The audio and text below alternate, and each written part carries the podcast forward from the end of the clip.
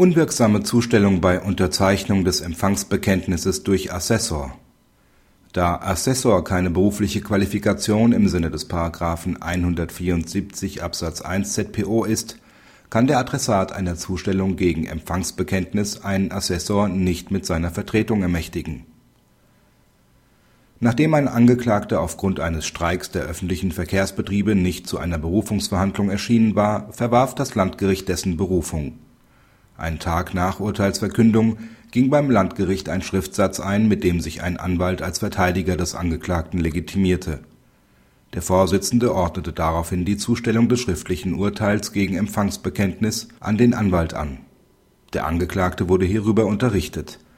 Das dem Gericht zurückübersandte Empfangsbekenntnis trug den Kanzleistempel, wurde jedoch nicht persönlich vom Anwalt unterschrieben, sondern von einem Assessor X der Anwalt beantragte Wiedereinsetzung in den vorigen Stand wegen Versäumnis der Berufungsverhandlung. Diesen Antrag lehnte das Landgericht ab.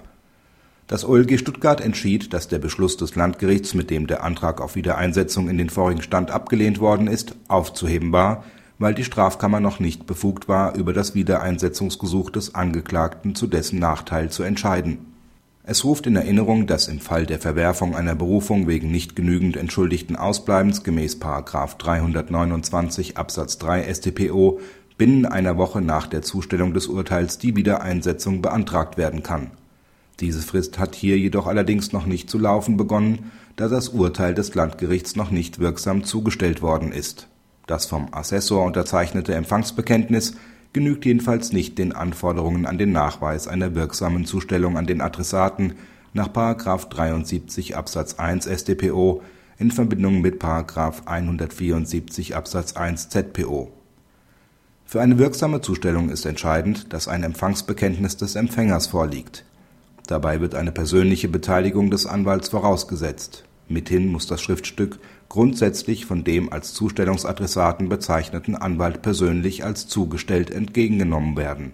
§ 174 Absatz 4 Satz 1 ZPO verlangt infolgedessen für den Nachweis der Zustellung auch eine Unterschrift des Adressaten.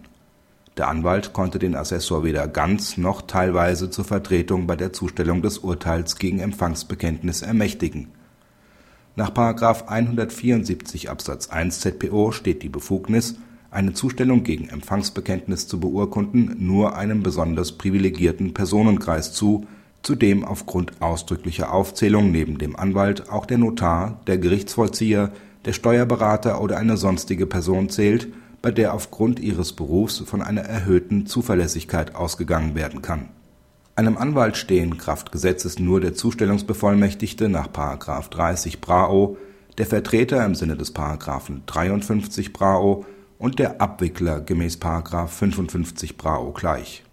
Nur der Anwalt sowie nach Auffassung des OLG Stuttgart auch diese anderen ausdrücklich genannten Personen sind im besonderen Maße berufsrechtlichen Verpflichtungen unterworfen, um das zugesprochene Maß an Zuverlässigkeit zu rechtfertigen.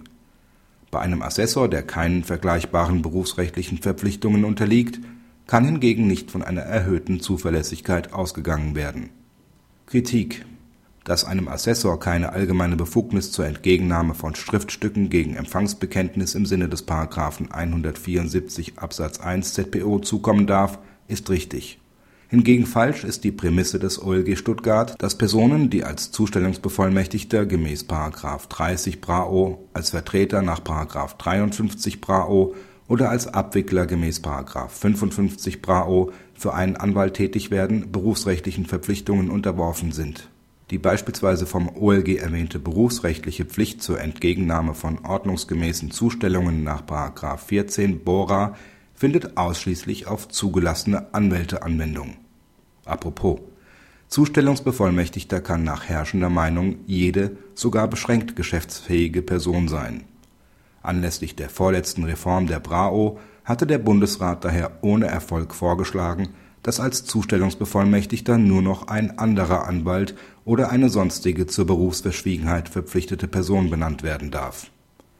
Auch nichtanwaltliche Vertreter und Abwickler unterliegen nicht dem Berufsrecht, sondern erhalten für die Dauer der Vertretung bzw. Abwicklung lediglich die anwaltlichen Befugnisse. In der Praxis werden jedoch als Vertreter oder Abwickler fast ausnahmslos Anwälte tätig